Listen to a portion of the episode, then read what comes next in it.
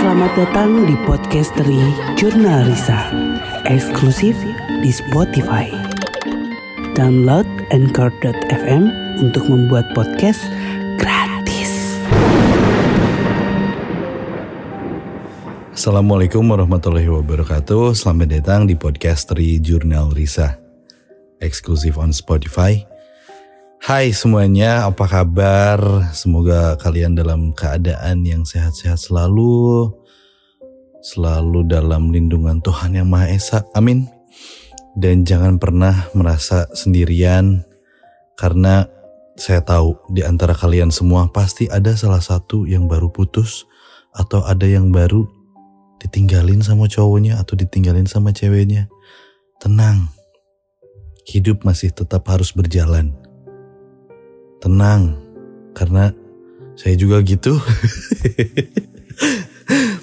Pertanyaan yang standar sebetulnya selalu menanya kabar, tapi itu penting untuk memberikan sedikit perhatian untuk kalian semua yang memang sampai saat ini selalu support tim Jurnal Risa, baik di mana pun kontennya yang kita buat sampai sekarang podcast ini sudah berjalan sekian lama dan pada akhirnya masih tetap didengarkan oleh kalian semua dengan setia menunggu cerita-cerita baru dari kita semua. Terima kasih banyak. Semoga kalian cepat-cepat ketempelan.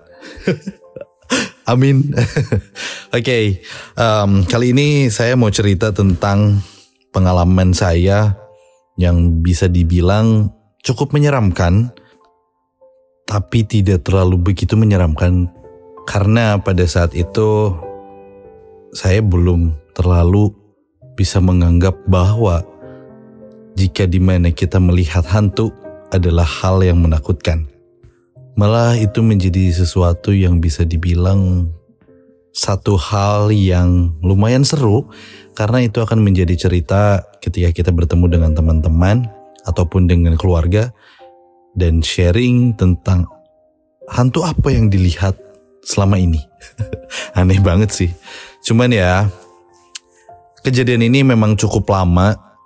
Saya masih samar-samar ingat, cuman yang pernah saya rasakan pada saat itu adalah perasaan takut yang amat sangat luar biasa karena itu pertama kalinya saya melihat langsung sosok yang belum pernah saya lihat dan saya pun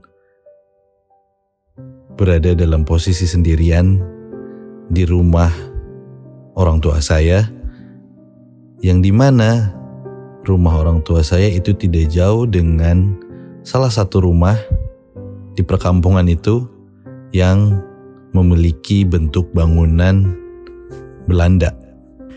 Kita sebut saja jalannya adalah Jalan Panglipur Galih di Lembang, itu ada salah satu rumah yang cukup membuat anak-anak seumuran kita pada saat itu menganggap bahwa rumah itu adalah rumah yang sangat menyeramkan.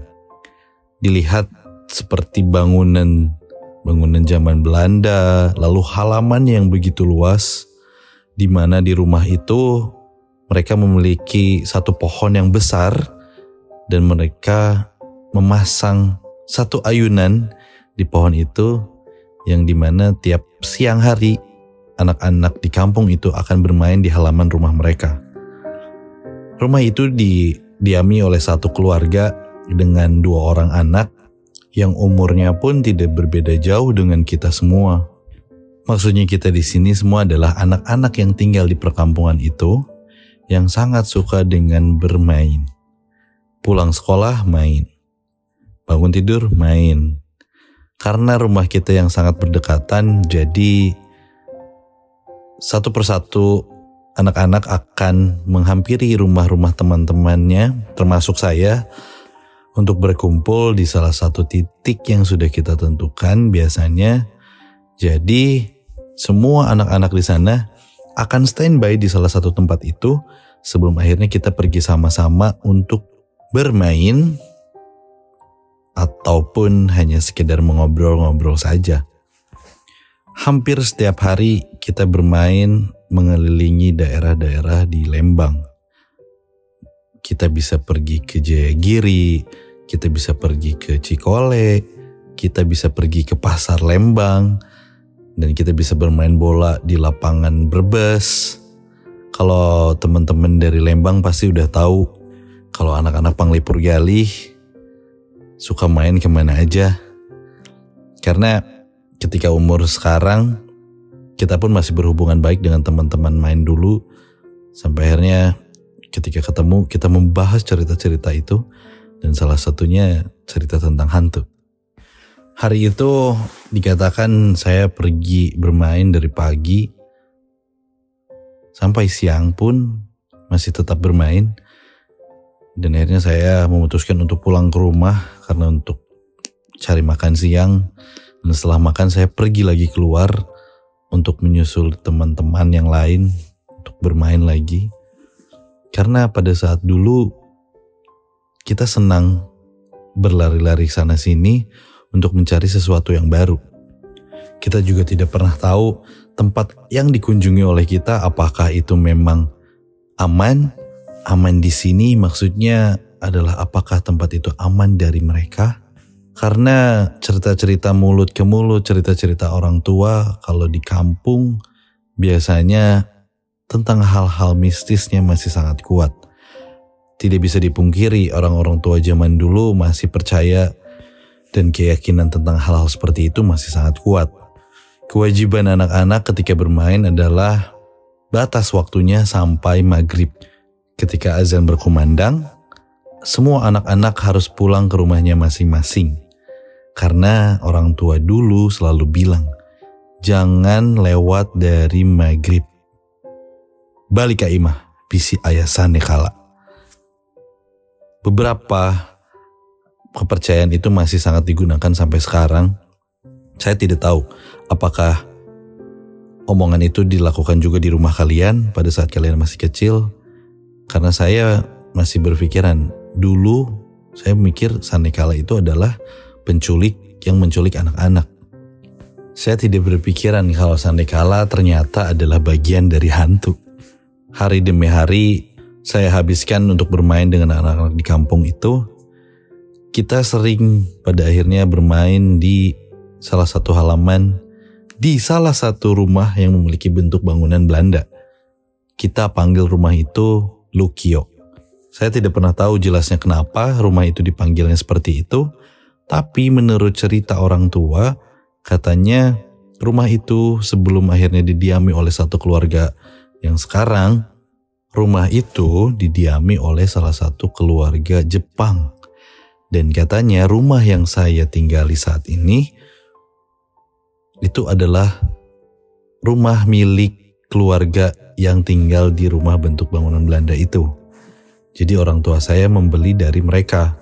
Karena kalau diperhatikan rumah yang saya tinggali sedikit hampir sama konstruk bangunannya seperti apa dan modelnya pun hampir sama. Tidak heran kalau misalkan orang tua saya bilang kalau rumah ini dibeli dari mereka. Mungkin mereka punya tes yang sama dan ingin membuat satu rumah untuk didiami dengan tidak ada perbedaan jauh dengan rumah yang mereka tinggali pada saat itu kita juga tidak pernah tahu keluarga Jepang itu apakah memang ada di sana atau memang itu hanya cerita-cerita saja. Tapi kita masih bertanya-tanya, Lukio itu apa? Lukio itu nama apa? Tapi itu semua tidak menutup keinginan kita bermain di sana dengan kondisi yang memang lumayan cukup seram. Kalau kalian nonton film The Conjuring, yang ada rumah tua terus ada satu karakternya yang digantung di belakang halaman rumahnya kurang lebih rumahnya seperti itu hanya saja halamannya di samping rumahnya bukan di belakang rumahnya dan mereka punya salah satu pohon terbesar di kampung itu yang tadi saya bilang mereka pasang ayunan dari ban dengan tali tambang berwarna coklat seperti pada di film-film sebetulnya. Dan di samping rumah itu ada garasi yang cukup besar yang disewa oleh orang lain untuk dijadikan bengkel mobil-mobil tua. Sehingga kesan rumah itu memang jadi angker karena melihat bentuk bangunan rumah yang sangat tua dan di sampingnya ada bangkai-bangkai mobil yang belum direparasi atau memang ditaruh gitu aja dan membuat suasana menjadi lebih seram dengan minimnya pencahayaan kita masih menganggap jika maghrib sudah lewat melihat rumah itu sangat-sangat seram. Beberapa kali saya memasuki rumah itu untuk melihat dalamnya seperti apa. Dan ya, lantainya masih asli, pintu-pintunya, jendelanya semuanya masih dalam bentuk bangunan asli.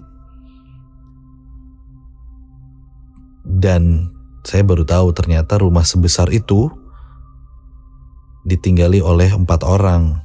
Satu orang ayah, ibu, dan dua orang anak. Saya masih tidak ingat namanya siapa. Saya mencoba mengulang kembali memori pada saat itu karena cerita di sana lumayan cukup membuat masa kecil kita ketakutan. Cerita pertama yang saya dengar adalah jika di rumah itu pernah ada satu kejadian.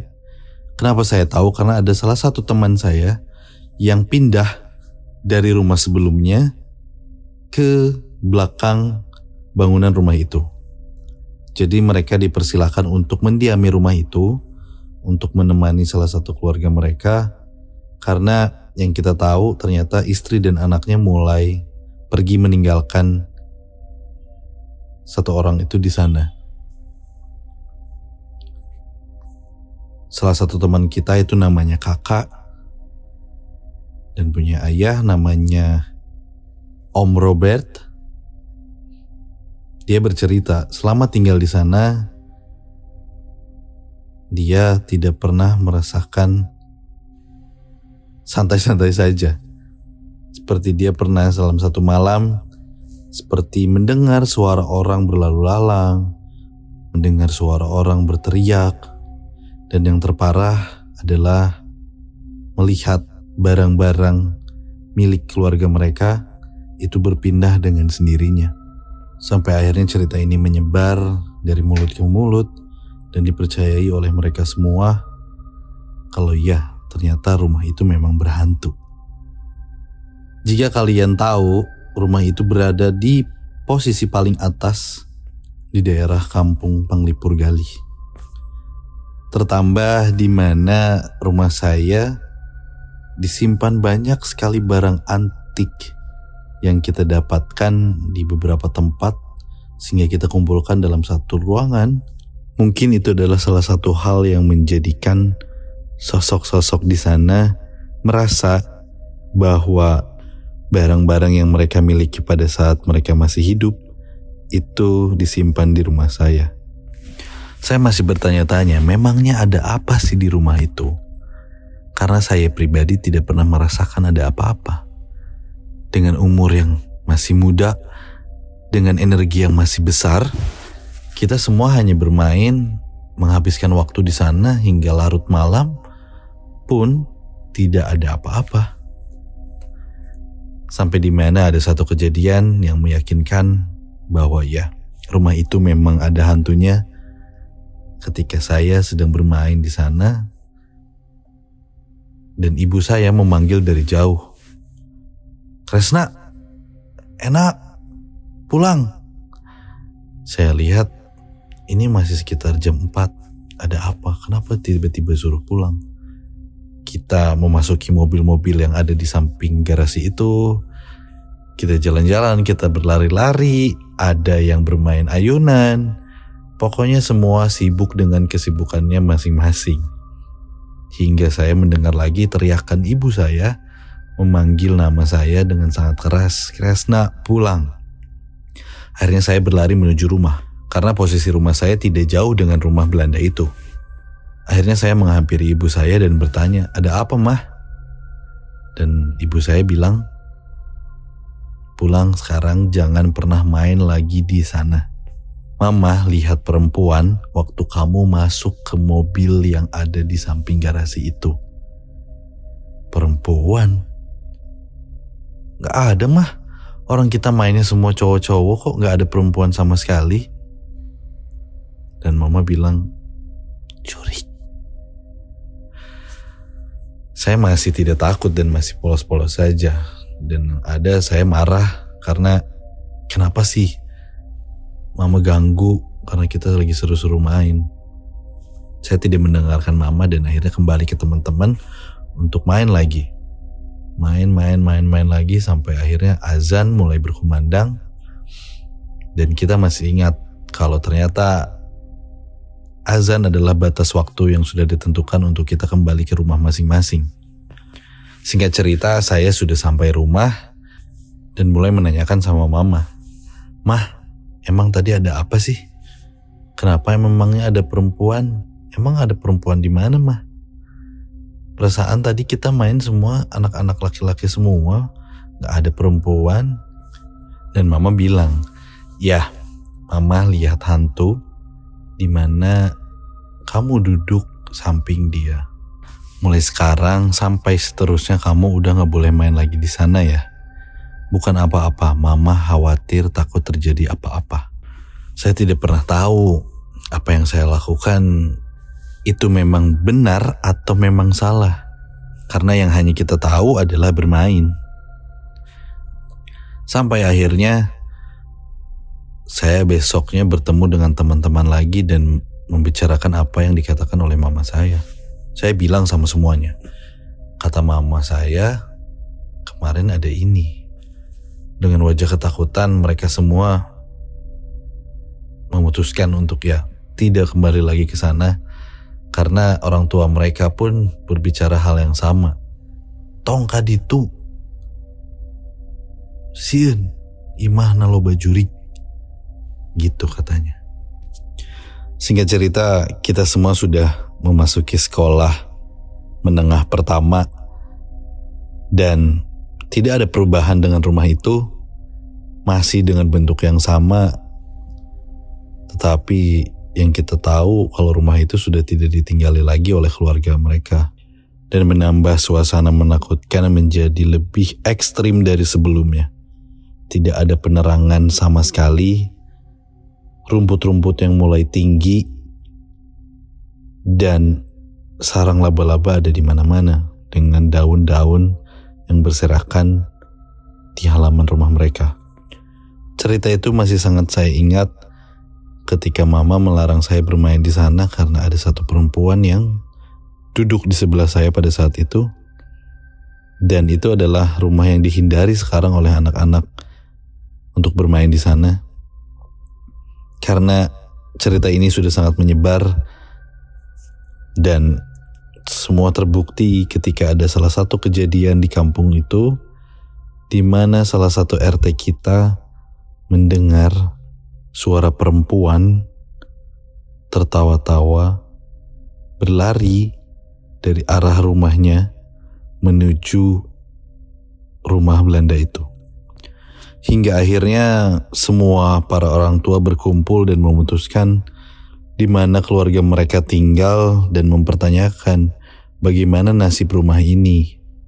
Karena dilihat-lihat rumah ini sudah tidak membuat nyaman semua warga kita terutama anak-anak yang sangat ketakutan ketika melihat rumah itu.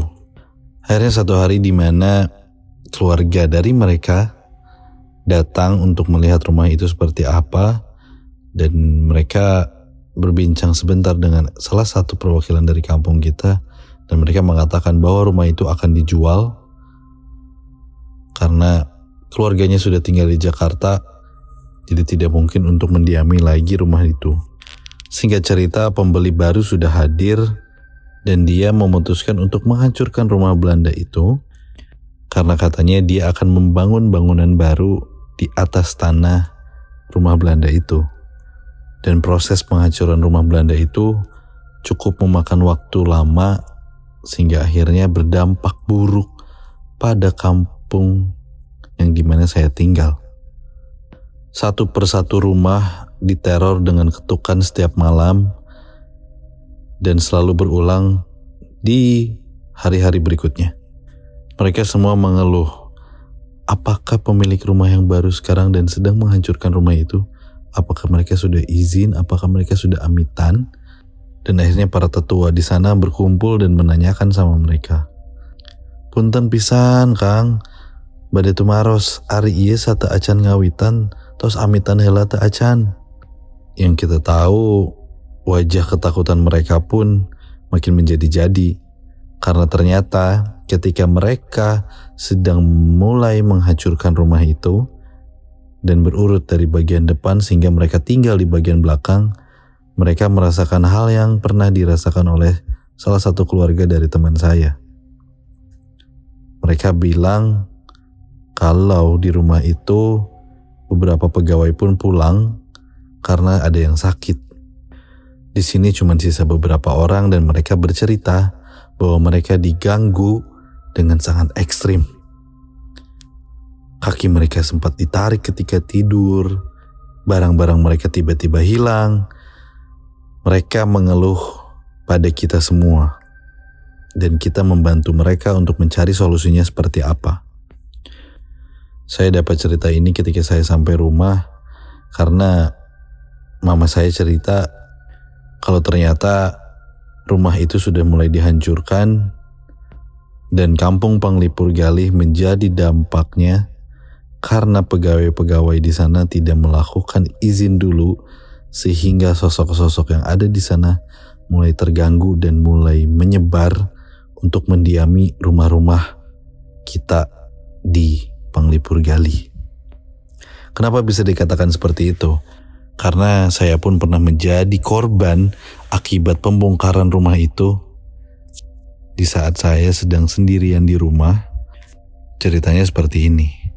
Waktu itu saya pulang ke rumah sekitar pukul jam 10 malam dan saya menyadari bahwa di rumah sudah tidak ada siapa-siapa.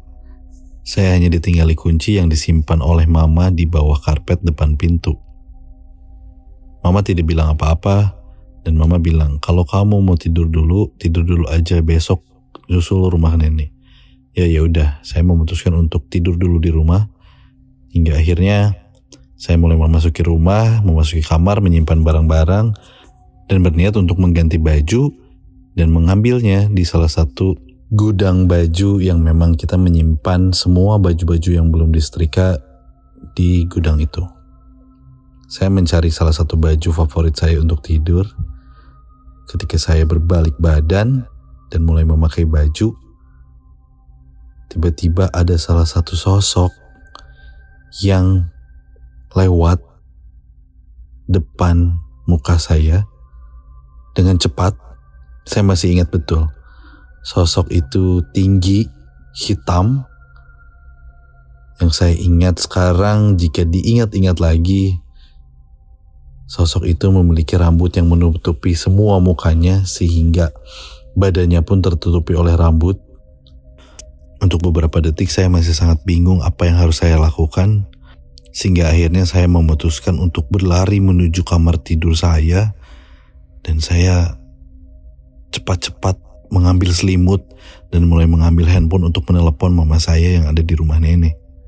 Saya bilang, Mah, Mah, ini ada apa ya? Mama saya bilang, kenapa ada apa? Istighfar baru cerita, tarik nafas dulu. Saya bilang kalau saya baru melihat salah satu sosok yang lewat depan mata saya dengan cepat. Saya bingung harus ngapain. Tiba-tiba mama saya tidak menjawab apa-apa. Tapi sambil berbisik kecil dan tertawa, mama saya menjawab, tidak rasa bala lagi.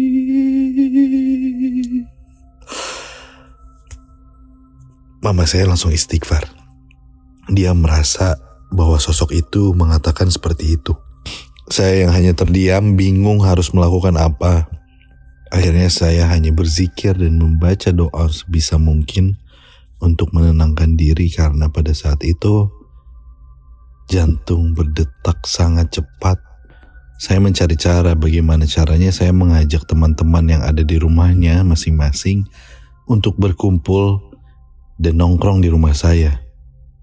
Akhirnya saya mulai telepon satu persatu semua dan mereka bilang mereka belum tidur dan ya mereka akan jalan menuju rumah saya untuk ngopi atau nongkrong-nongkrong bareng aja.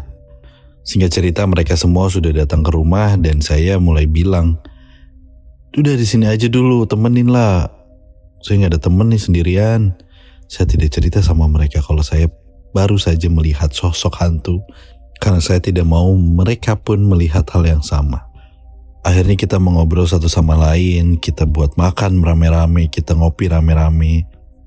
Dan tidak terasa ternyata waktu sudah menunjukkan jam 12 malam dan saya mulai terasa aneh karena ada salah satu teman saya yang sedang asik bercerita, tiba-tiba ekspresi wajah dia berubah dari awal semula sedang bercerita dan tertawa-tawa, dia tiba-tiba terdiam dan wajahnya mulai memucat. Dia tidak berkata apa-apa, dia hanya bilang, "Nak, pulang duluan ya." Saya yang bingung di sana dan bertanya, "Ada apa? Kenapa emang pulang?" Dia bilang, "Ini mama saya udah nelpon udah terlalu malam. Saya duluan ya, lumayan jauh eh rumahnya." Akhirnya teman saya yang pucat itu sudah pulang duluan. Masih ada beberapa teman lagi dan mereka pun bilang hal yang sama. Udah malam eh, saya pulang duluan ya. Saya pulang duluan lah ya dan yang lain pun mengikuti hal yang sama. Saya masih bertanya-tanya, ini ada apa sih? Kenapa kalian tiba-tiba pulang? Emang ada apa? Pemikiran saya langsung tertuju pada satu perempuan yang saya lihat sebelumnya. Apakah mereka mengganggu teman-teman saya untuk pulang sehingga dia bisa menemani saya sendirian? Saya bingung. Akhirnya ada salah satu teman saya yang masih diam di rumah dan saya mulai menahan dia untuk pulang. Dia bilang, nak, orang juga pulang ya? Saya bilang, tunggu dulu, temenin saya, saya sendirian. Sumpah, kalau harus saya cerita, saya baru saja lihat hantu. Makanya kenapa saya nelponin kalian semua buat nemenin saya di sini. Karena saya bingung harus nelpon siapa lagi. Dan teman saya pun bilang, alasan kita semua pulang adalah bukan orang tua kita yang menyuruh pulang. Kita berniat untuk menginap di sini sebelumnya, Nak. Tapi kita semua melihat ada seseorang yang mengintip di balik pintu yang tepat berada di belakang kamu.